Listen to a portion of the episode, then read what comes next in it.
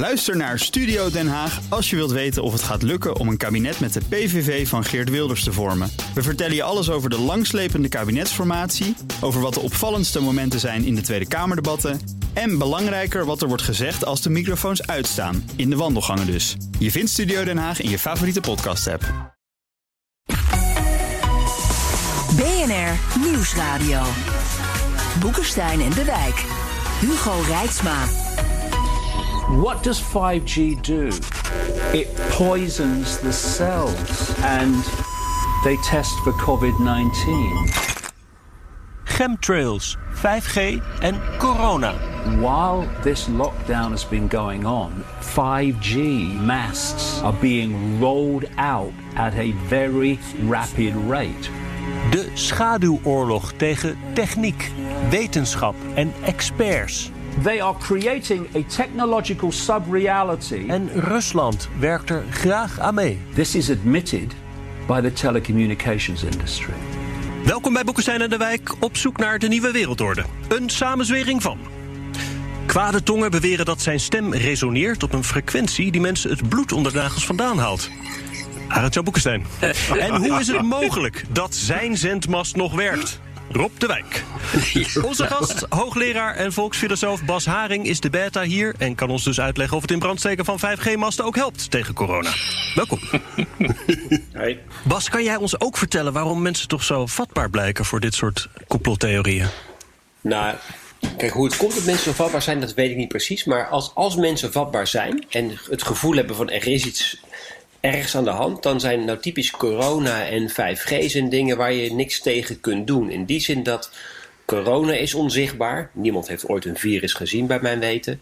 5G is natuurlijk over die golven die eruit komen, is ook onzichtbaar. Dus je kunt altijd het vermoeden houden dat er iets engs aan de hand is en het vermoeden kan nooit weerlegd worden. Dat is, dat is, dat is wat, er, wat er met 5G en corona aan de hand is. Dus als je het vermoeden hebt, er is er iets aan de hand, dan kan nooit iemand laten zien dat het vermoeden niet klopt, omdat het onzicht, om onzichtbare dingen gaat. En dat is voor mij zo lastig is dat voor wetenschappers, want ja, het zijn immers onzichtbare dingen. Dus ja, hoe ga je laten zien dat ze het mis hebben? Dan kan ik me voorstellen dat bij enge dingen... dat je dan al snel graag wil luisteren naar de experts. Maar bij bijvoorbeeld geopolitieke enge dingen... merk ik dat mensen helemaal niet graag luisteren naar Rob en Arend Jan. Dus daar zit toch een probleem. Maar weet je het ook interessant is van, net zegt Bas, het is, het onfalsifieerbaar. Hè? Dus het is een soort uh, strange loop waar je in terecht komt. Hè? En dan kom je niet uit. Maar het is ook zo dat mensen, mensen zijn hele rare wezens. En ze zijn eigenlijk ook heel erg goed in staat om ontlastende feiten voor hun theorie te negeren. Hè? Dat doen we trouwens bijvoorbeeld ook bij, uh, als je in een winkel staat en je kan kiezen tussen een rode en een blauwe trui. Hè? En je weet helemaal niet zo goed wat je nou eigenlijk het leukste vindt. En dan neem je toch maar die blauwe trui mee. Dan gaan mensen thuis, gaan ze dan die de, de, de slechte kanten van die alternatieve trui gaan ze vergroten, waardoor ze wat een beetje rust krijgen. Zo geldt het ook bij dit onderwerp. Van als je bepaalde vooroordelen hebt, en een, en is natuurlijk ook een vooroordeel, dan ben je helemaal niet meer gevoelig voor feiten die daar niet mee stroken. Het is eigenlijk het is verschrikkelijk. En het is van alle tijden ook. Hè? Antisemitisme is er een gevolg van. Het is vreselijk. Ja, en dat, maar, maar nog steeds blijft dat vooral met corona en, en 5G dit kan. Kijk, met vliegen kan het niet. Of laat ik een ander voorbeeld geven, een heel klassiek voorbeeld van de trein. Uh, toen ooit uh, de, de innovatie van de trein begon, ik denk dat het 200 jaar geleden of zoiets was, waren er ook mensen die zeiden van ja, maar dat is verschrikkelijk, de trein, uh, dat ding gaat veel te hard, dan ga je dood voor als je erin zit.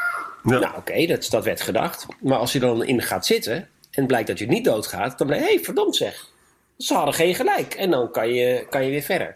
En dat gaat met 5G en met corona niet zo snel gebeuren. Dat is het ellendige van, van die twee dingen.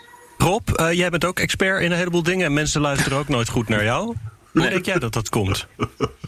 Ja, kijk, weet je, mensen willen natuurlijk altijd een, een, een reden horen voor iets. Als ze geen reden horen, dan worden ze daar kennelijk heel erg zenuwachtig van.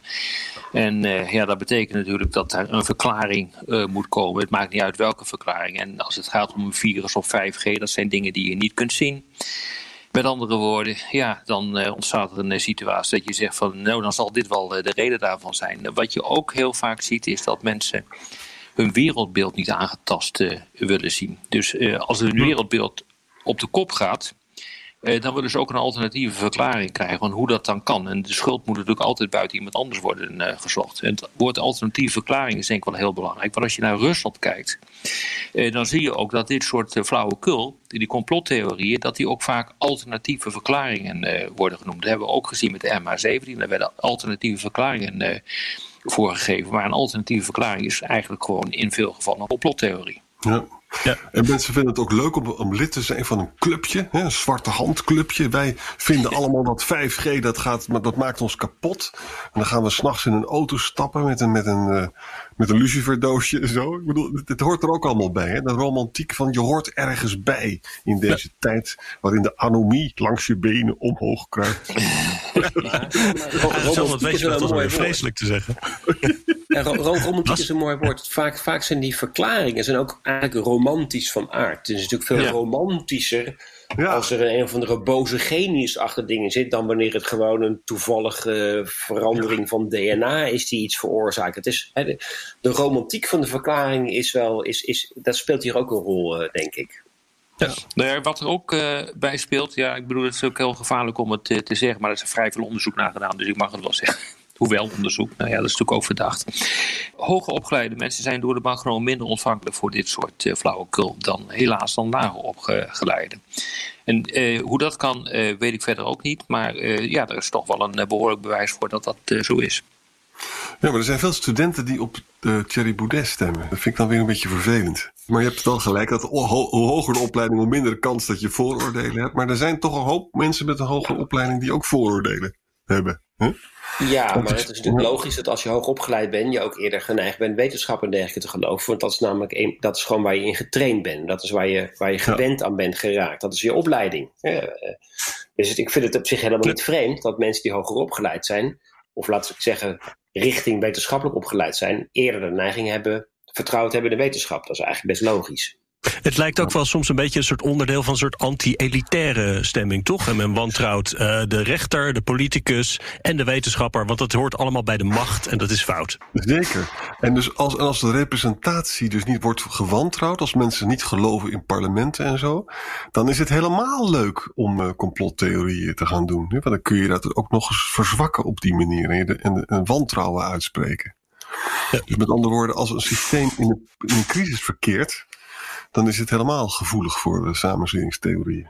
Ja. Daarom doen de Russen is dat dan, oké, 5G-masten in brand steken is natuurlijk heel slecht. Uh, maar in, in zijn algemeenheid, is het ook erg als mensen die neiging hebben? Bij een clubje willen horen en ergens tegenaan schoppen? Nou ja, je kan natuurlijk ook gewoon lid worden van een uh, postzegelclubje. Dat lijkt me veel onschuldiger. Ik zit maar op te binden. Te die 5G-masten in de ja, fik steken. Ja, je hebt natuurlijk één lid worden van een clubje en ergens zich aanschoppen. En twee is... Uh, eh, gereden twijfel hebben aan de elite. Dat is, een ander, dat is iets anders, vind ik. En, uh, en, en, en jouw vraag kun je interpreteren als van, is het, is het erg bij een clubje te willen horen en tegen dingen aan te schoppen? Nou, oké, okay, daar is van alles van te zeggen. Maar is het erg dat je de elite wantrouwt? Ja, hmm. dat is toch best wel erg. Vooral als de elite, wanneer het om wetenschap bijvoorbeeld gaat, uh, al eeuwen, eeuwenlang zichzelf bewezen heeft en gewoon een een betere verklaring heeft voor dingen dan, uh, dan het verhaal van, van, van Jan Boerenlul. Dus dat is dan toch wel erg, denk ik. Ja. Ah, al dus de elite hoor ik nu heel veel mensen tegen hun radio ja. schreeuwen. Ja. ja, maar aan de andere kant weer niet erg is, dat vind ik eigenlijk wel weer heel mooi, is dat mensen een soort van zelfverantwoordelijkheid voelen. Dus van nou, hoe zit dat nou eigenlijk met 5G? Laat ik dat eens een keer gaan uitzoeken. Dat zou ik heel mooi vinden, als mensen dat gingen doen. En dat, zou ik veel, dat is veel mooier dan wanneer, dingen, wanneer mensen uh, mast in de fik gaan steken. Ik vind het, is eigenlijk heel vreemd. Hè? Dus je, moet je even verplaatsen in zo iemand die zijn mast in de fik gaat steken. Die wint zich dus op over 5G. Nou, dat kan. En die gelooft de elite niet. Dat kan ook. En dan komt hij in beweging. Maar de beweging die die persoon dan neemt, is dat hij een mast in de fik gaat steken. Terwijl de beweging die hij had moeten doen, denk ik, is, is naar Wikipedia en daar wat over gaan lezen. Je, je, hebt nu natuurlijk heel veel mensen die het ook beter denken te weten uh, dan het RIVM over corona. Maar volgens mij zijn dat vooral mensen die zeggen dat het RIVM te positief is. Dus dat is niet erg, toch? Nou, ook dit, dit heeft zijn kosten. Het is helemaal niet leuk om met een mondkapje over de straat te gaan. Dus die, de kosten hiervan moeten wel in, in, in overeenstemming zijn met de baten. Daar is, het, daar is uh, het RIVM heel erg helder over. Dat de kosten in deze uh, hoger zijn dan de baten. Dus doe dat dan vooral niet, zegt het RIVM. En ze hebben ook een redenering hè, van als er te weinig mondkapjes zijn, dan is het verstandig om ze met name in te zetten voor het verplegend personeel. Ja, En eh, dus dat vind ik ja, dan vind ik het dus wel heel jammer als mensen daar dan tegen in gaan lopen zeuren. Hè? Eh, ja, dat, volgens mij moet je wel een beetje eenheid bewaren in een crisis. Lijkt me wel handig. Heb je toch ook als een schip zinkt? Ja, dus dat is nu ook in deze zaak schadelijk dat 17 miljoen epidemiologen op, op Twitter en Facebook zitten. Ja, maar Twitter en Facebook zijn ook toch maar. Toch, dat, dat, dat, dat, dat zet ook geen zoden aan de dijk, godzijdank. Net zo, die Jaap van Dissel is echt wel belangrijker dan datgene wat er getwitterd wordt. Dat heeft echt meer, dat heeft meer nationale impact dan al die andere dingen. En eh, dat is een hele verstandige man die goed kan praten, die de boel goed kan uitleggen. En die hoort bij de elite. eh, maar die het ook voor veel andere mensen, voor veel mensen die zich niet bij de elite voelen horen, goed kan uitleggen. En, en ik heb daar veel respect Mhm. voor. En ik heb, ik, ik heb echt het vertrouwen dat dat soort uitingen in de media veel meer effect hebben dan, eh, dan, dan wat geraaskal op wat voor sociaal medium dan ook. Wie zit er nou op Twitter? Ik bedoel, dat is ook 20% van de Nederlandse bevolking. Dus dat is niet zoveel. En als je dan vervolgens kijkt wat voor een gekken er op Twitter zijn, dan valt het ook nog wel mee. Ik Ja. heb eerlijk gezegd, eh, als ik dat een beetje volg eh, op, eh, op mijn eigen Twitter-account, dat dat steeds beter gaat. Dat er steeds minder uh, geschreeuwd wordt. Dat is echt wat uh, aan het veranderen. Ik weet niet of dat maatgevend is voor, voor andere Twitter-accounts. Maar ik zie gewoon wel dat als er weer van dit soort idioten zijn met dit soort complottheorieën. dat die ook weer vrij snel door andere mensen naar beneden worden getrokken. Nou ja, wat je, je ziet hele interessante dingen gebeuren. Bijvoorbeeld dat uh, Geen Stijl was natuurlijk altijd een medium dat behoorlijk ja. op loshakte. En dan zie je voor het eerst dat er licht ontstaat tussen wat Thierry Baudet doet en wat Geen Stijl vindt. Ja, maar die is, dus ook, uh, Jan, die is ook eigenlijk zijn, uh, zijn positie kwijt. Ja, Af en ja. toe wordt dit wel eens een keer door aangepakt door, uh, door sites als Geen Stijl. Maar ja, dat komt eigenlijk ook niet uh, boven het uh, grappen en grollen niveau uh, uit. het, is geen, het, is geen, ja, het is geen site meer met enige impact volgens mij. BNR Nieuwsradio. Boekenstein en de Wijk. Op zoek naar de nieuwe wereldorde. Dit is Boekenstein en de Wijk. En deze technologische subrealiteit is natuurlijk niet zonder Arjan Boekenstein en Rob de Wijk. Mijn naam is Hugo Reitsma en onze gast is Bas Haring, bijzonder hoogleraar publiek begrip van de wetenschap aan de Universiteit Leiden. En we hebben het over uh, complotten. We hebben het ook een beetje over, over populisme, uh, proef ik. Hè? Ik denk dan meteen aan Trump, die uh, natuurlijk ook niet zo met de wetenschap op heeft. Zien jullie daar een, een, relatie tussen.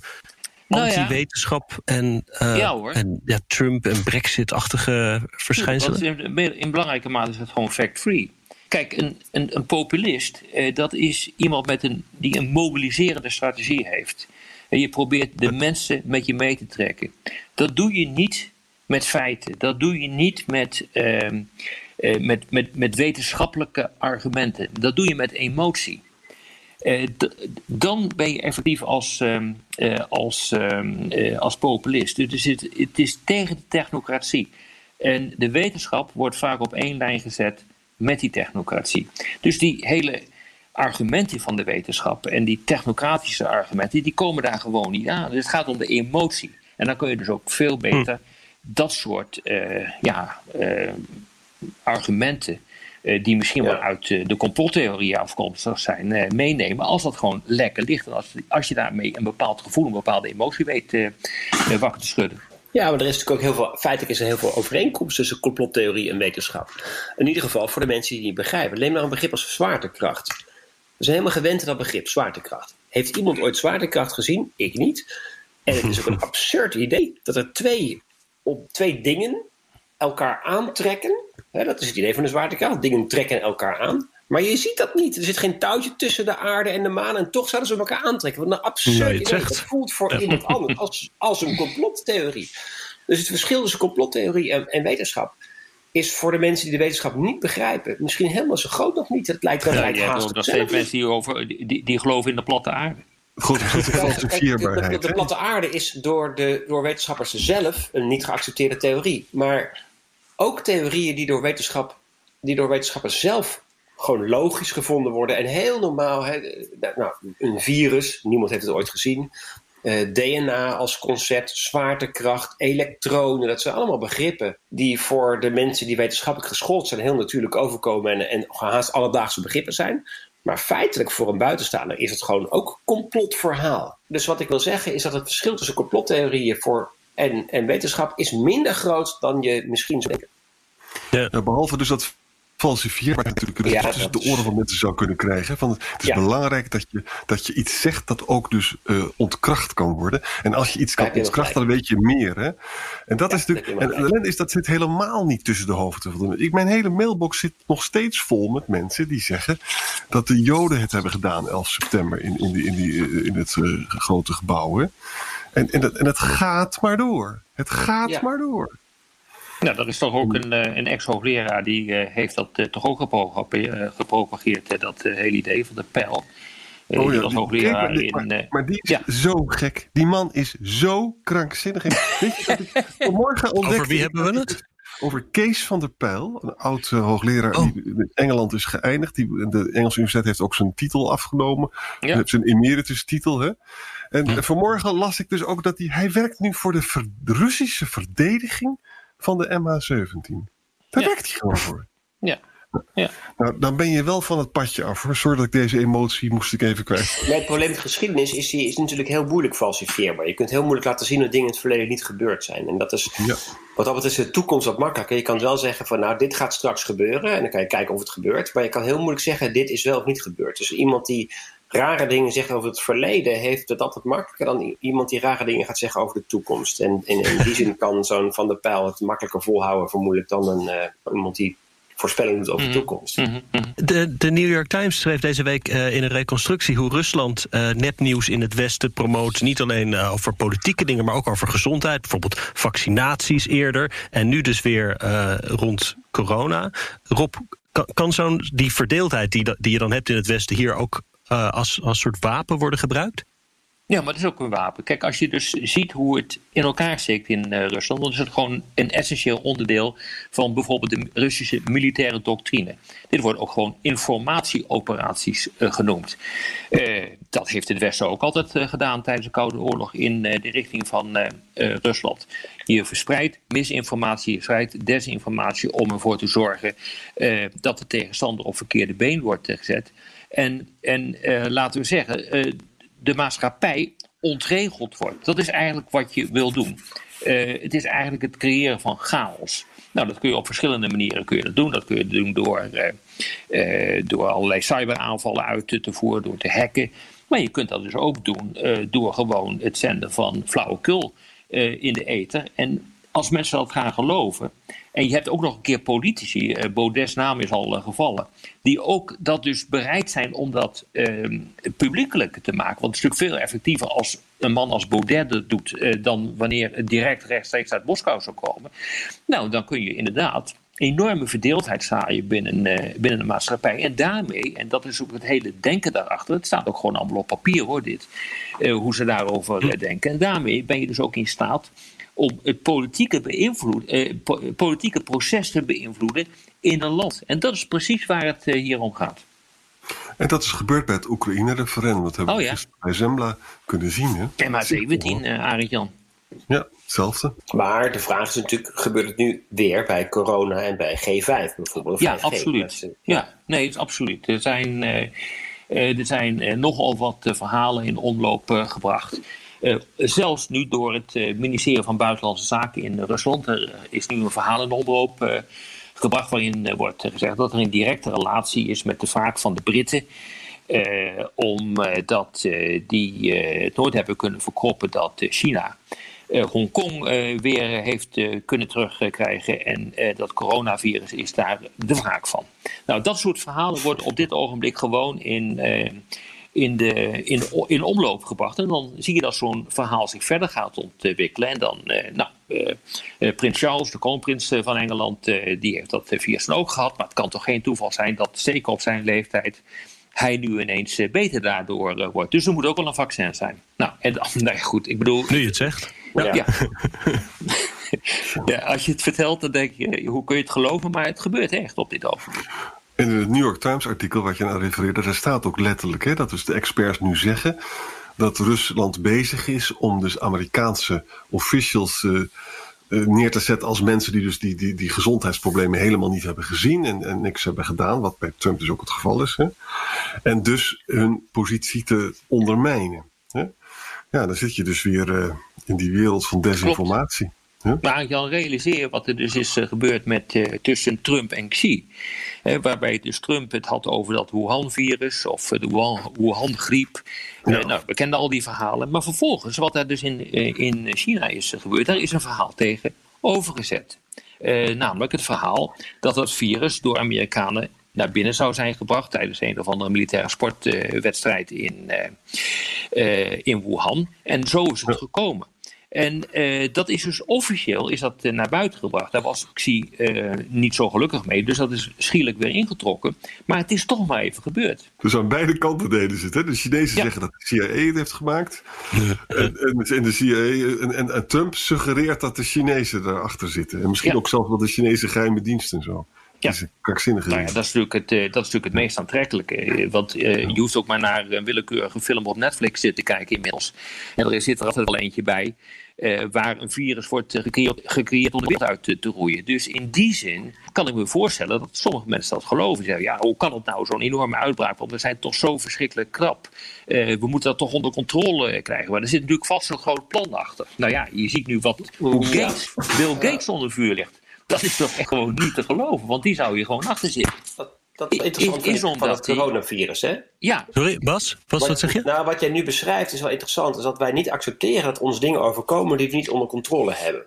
Ja. ja. Um, wij, hebben, wij, zijn gewend, er zijn, wij zijn er gewend geraakt afgelopen decennia dat wij alles kunnen beheersen.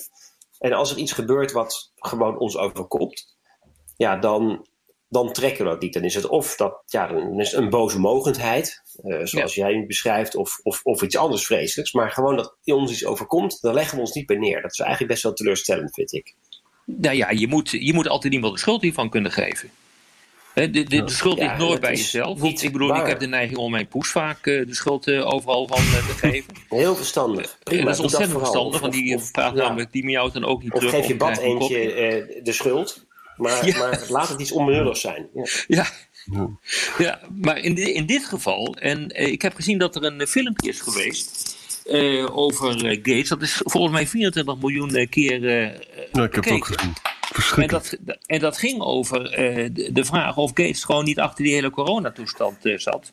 Ja. want hij zou wel eens een keer het vaccin hebben kunnen ontwikkelen. Dus je maakt eerst de hele wereld ziek en dan va uh, vaccineer je de hele wereld. Ja. Om vervolgens tot de conclusie te komen dat je dus nog rijker daarvan kunt worden. En dan zien ze als bewijs, wat ik sprak er met iemand over, als bewijs is dus, ja, hij heeft heel erg veel geïnvesteerd in die vaccins ja. en zo. Jazeker. Nou, dat is dus het bewijs. 1 plus 1 is 2. Een, een aantal jaren geleden heeft hij een, een soort wargame gedaan. Met betrekking tot de uitbraak van een, van een virus. Uh, en toen heeft hij geconstateerd, nou, in dat uh, scenario zouden dan 65 miljoen mensen binnen 18 maanden kunnen sterven. Nou ja, dat wordt nu uh, dan in, in die kringen wordt dat opgepakt als het bewijs dat hij inderdaad hierachter zit. En dan zou hij ook nog iets bij het Europees Octrooibureau onder een bepaald nummer hebben gedeponeerd. Nou ja, goed. En zo, zo, zo, zo bouwt een heel verhaal zich op. Hier hoor ik van op. Ik, ik begrijp dus uh, van jullie allemaal dat we toch maar beter kunnen luisteren naar de experts. Maar als die experts ons nou straks zeggen: uh, u krijgt, want dat is echt veel beter, uh, verplicht een app om uw gangen na te gaan tegen corona. Moeten we dan ook dat maar aannemen van de experts? Nou ja, ja dat is een heel interessant punt. Ja. Wat vind jij ervan? Het is, om te beginnen ja. is het vrijwillig. En ik zeg ook ja. En zeker als je het zo kan doen dat het niet naar een centrale server gaat, maar dat het dus in het systeem zelf blijft. Hè? En het is ook nog eens een keer vrijwillig. Luister eens, als we dit allemaal niet gaan doen, dat gaat het zaak natuurlijk niet helpen. We hebben dit nodig. We hebben dit nodig totdat er een vaccin is. Nee, maar ik kan me voorstellen dat mensen hier zeggen van... ja, moet ik dit wel vertrouwen? En dat heeft denk ik minder te maken met complottheorieën... dan met de overheid zelf. Realiseer wat er de afgelopen jaren is gebeurd bij de Belastingdienst. Waarmee mensen echt gewoon onheus zijn bejegend door de Belastingdienst... en uh, echt gewoon op lijsten zijn terechtgekomen die niet kunnen. Ja. Dus wie zegt dat die, uh, dat die app niet voor schadelijke doeleinden wordt gebruikt om jou uh, te controleren? Ik denk dat dat niet zo is. Hm. Maar uh, dit heeft denk ik veel minder met complottheorieën te maken dan met de grote vraag van vertrouw privacy. je een overheid op dit punt? Ja, en privacy. Dat is gewoon Ja, privacy. exact. Maar ik vind het wel curieus dat men eh, grote bedrijven eigenlijk vrij makkelijk vertrouwt. Dus Apple en Google. Eh, ik heb alles aanstaan, als ik in de auto zit, weet eh, Google waar ik rij. Want dat is handig, want dan kan de route aanpassen. En dat kan Google ook gewoon gebruiken voor mij. Dat, dat, ja, dan zullen ze vast misbruiken op de een of andere manier. Maar ik, ik vind het oké. En ik vind het, het is vrij curieus dat we deze, deze makkelijke houding jegens bedrijven hebben. En veel, veel, veel moeilijker deze houding Ja. hebben jegens de overheid. Maar ja, eh, kijk naar China. De- daar, daar wil je toch niet heen, naar zo'n andere, andere controlestaat? overheid ook. Is ook een andere overheid. Kijk, eh, China is een low-trust maatschappij. Niemand vertrouwt elkaar. En men is heel erg blij met dat eh, social credit systeem, dat sociale controlesysteem, waarbij je punten kunt krijgen voor goed eh, gedrag. Omdat je gewoon je buurman niet vertrouwt. Hè, dat is echt wat anders dan in Nederland. Hier is toch nog steeds een, een zekere mate van, van vertrouwen in de mensen onderling. En het zou me niet verbazen als zo'n coronacrisis eigenlijk alleen dat vertrouwen maar vergroot. Ook in de overheid trouwens, dat zie je nu wel gebeuren. Ja. Nou is de basale houding van vertrouw elkaar nou als het gaat om zo'n app. Dat vind ik wel een heel mooie, mooie insteek. En dat ook. moet niet misbruikt worden, maar een basaal vertrouwen, dat is mij heel erg fijn. Ja. Helemaal eens. Voor de radio moeten we afsluiten, maar op de podcast gaan we door met luisteraarsvragen. Luistert u op de radio, dan verwijs ik naar Apple Podcast, Spotify of bnr.nl. Ook vragen stellen of reageren kan op Twitter, BNR De Wereld. En ik moet zeggen, we kregen heel veel vragen of 5G dan misschien niet voor corona, maar wel voor andere dingen schadelijk is. Ik denk dat we dat Oh, maar ja. moeten doorverwijzen naar de experts, eh, toch? Anders Lijkt me ook, ja. wordt het ingewikkeld. Ehm, Nou ja, van hoor eens, kijk, er zijn er gewoon duizend studies eh, verricht eh, naar de schadelijkheid van, van 3, 4 en nu 5G. Eh, daar is nooit wat uitgekomen. Dus ehm, ja. Maar ja, ook dat is natuurlijk een bewijs, omdat er nooit wat uitkomt, eh, dat wat aan de hand is. Dat betekent namelijk dat de wetenschap aan, het, eh, eh, aan de teugels wordt eh, gehouden van de overheid. Omdat ze bepaalde dingen niet, mogen onderzoeken. Dus in die zin kan je altijd de redenering omdraaien. Wishmaster zegt: omgaan met of liever leven in onzekerheid is een levenshouding. Wat is de meest robuuste? De cynisten vinden het alleszins meevallen met de crisis. De onbewogen stoïcijnen, hè, of de eh Taoïst die niets goed of afkeurt. Bas, ik, ik kijk naar jou voor deze. Ja, je kijkt niet naar mij, want je luistert naar mij. Ehm, maar Dat moet nog maar bewezen drie- worden hoor. drie vergelijkbare uitgangspunten, toch? De, de mensen die, eh, die, het, eh, die, die zich ontspannen houden jegens datgene wat er gebeurt, of de mensen die zich erover opwinden. Zo, zo, zo deel ik het even in tweeën dan. Leg, leg, mijn vraag is eigenlijk: leg je ze naast elkaar? Speel je ze tegen elkaar uit? Of, of gooi je ze op één hoop ten opzichte van, van de rest? Nou ja, de vraag was meer van wat is nou eigenlijk de beste houding in zo'n eh, zo'n crisis? Nou, zo'n crisis is volgens mij dat je in een crisis altijd rust moet houden en moet wachten. Ja, En, dat lijkt mij ook. eh, Maar dat is wel En- moeilijk en hoor. dan- ja, dat is moeilijk. Maar dan moet je over een paar maanden maar gaan kijken van wat gebeurt er nou echt. Ja, en binnen. Dus, we, komen, dus dan komen we volgens mij toch uit op de Taoïst, eh, niet? Ja, En, dat, en, en, en laat je nou niet te veel raken door de waan van de dag. Want er gebeurt verschrikkelijk veel. En het is heel erg verleidelijk om, om, om of positief te denken. En te denken, we gaan het veranderen. En de wereld wordt anders. En hopla, we gaan aan de slag. Nou, dat is Of inderdaad het is absoluut verleidelijk om te denken Want van, nou, eh, god, er is Ja. een drama aan de hand. Ik hoeveel denk dat het bij- artikelen wel niet lang zijn gekomen over eh, dat de wereld eh, hierdoor gaat veranderen, is werkelijk onvoorstelbaar. Elke dag verschijnen Ja. er wel 10, 20, 30 van die, van die artikelen.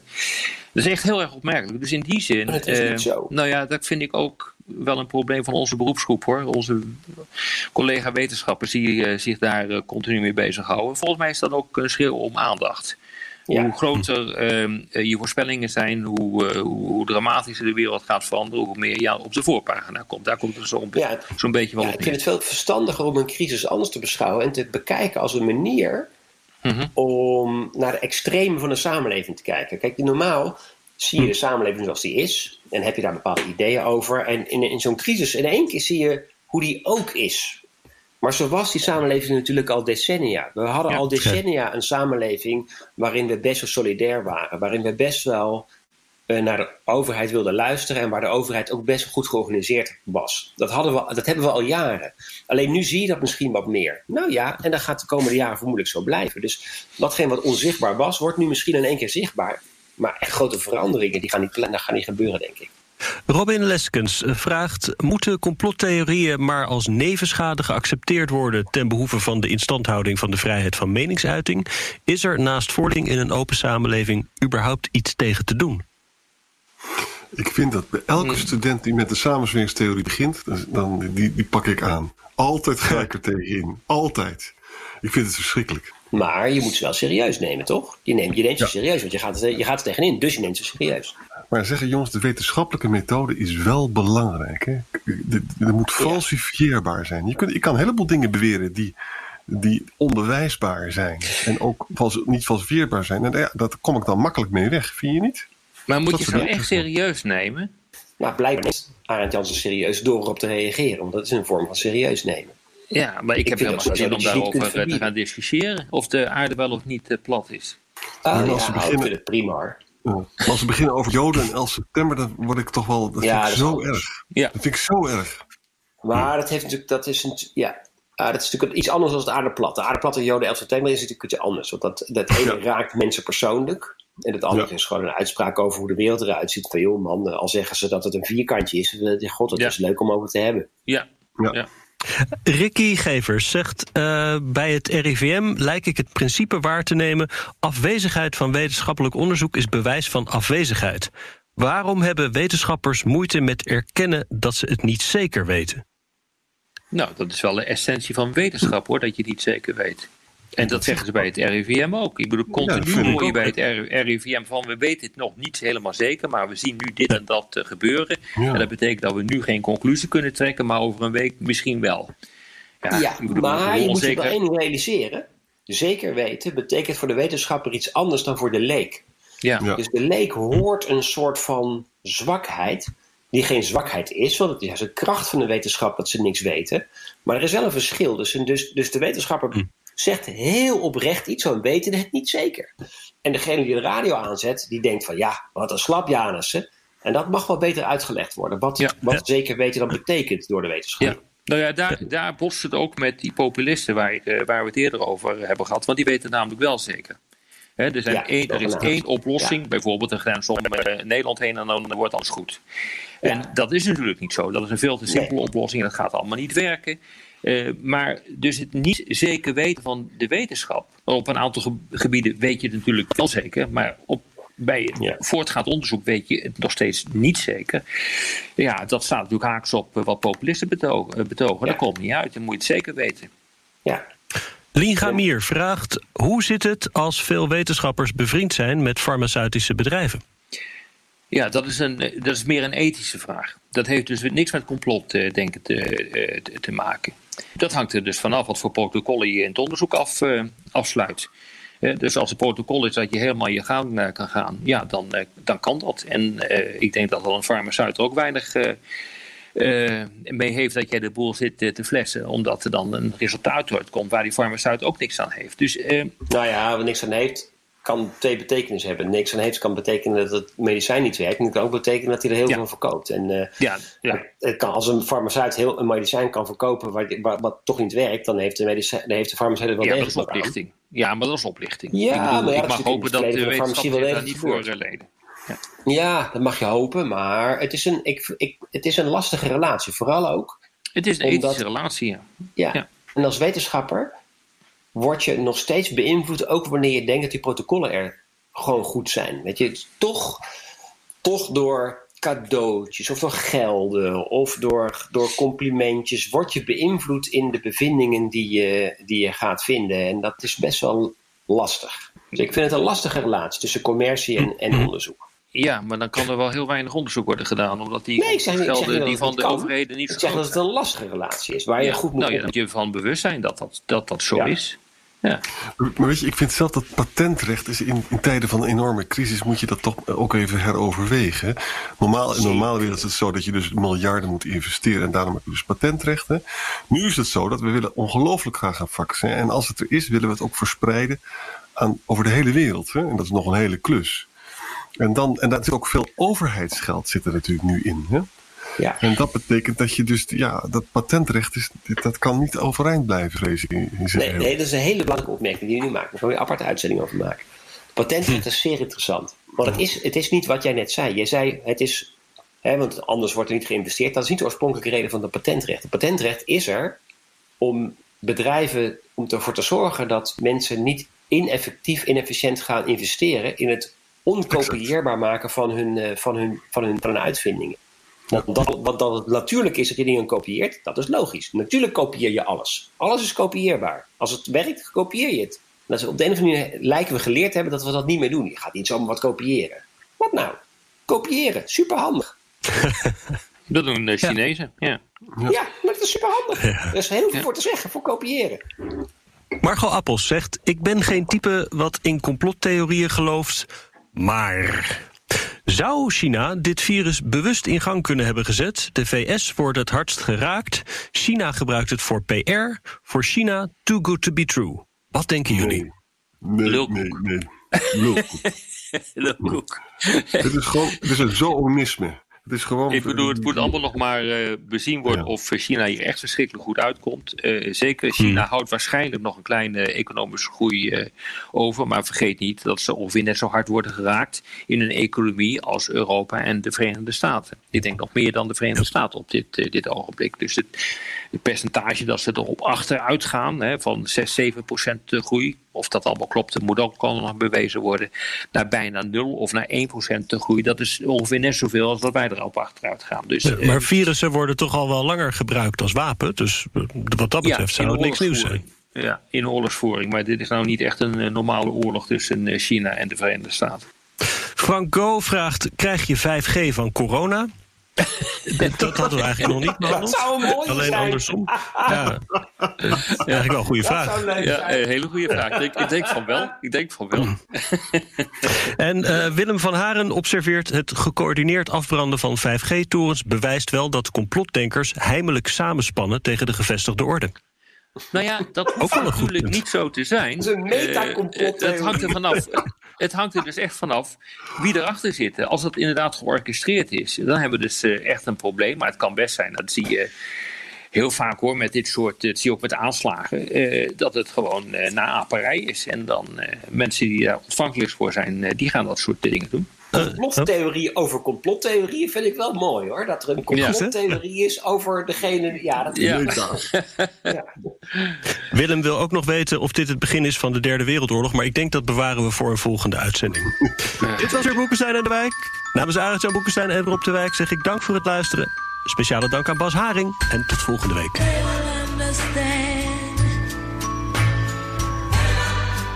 If they try love.